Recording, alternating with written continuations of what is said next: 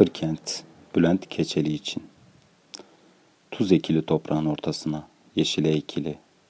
Susadıkça yuttu dünyayı kuyular, tuz kaldı geriye.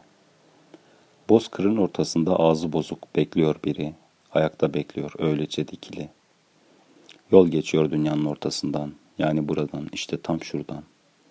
Geçersek kalacağız, kalırsak git, gidersen durma.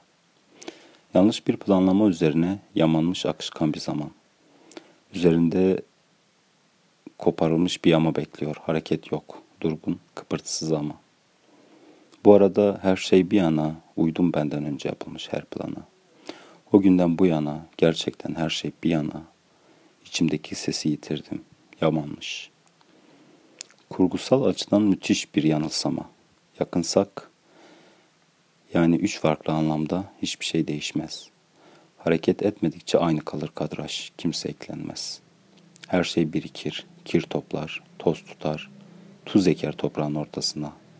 Su uçar, ses gider. Toprak, toprak olarak kalır ama. Taşa kesilir gök, gürler, yeşillenir.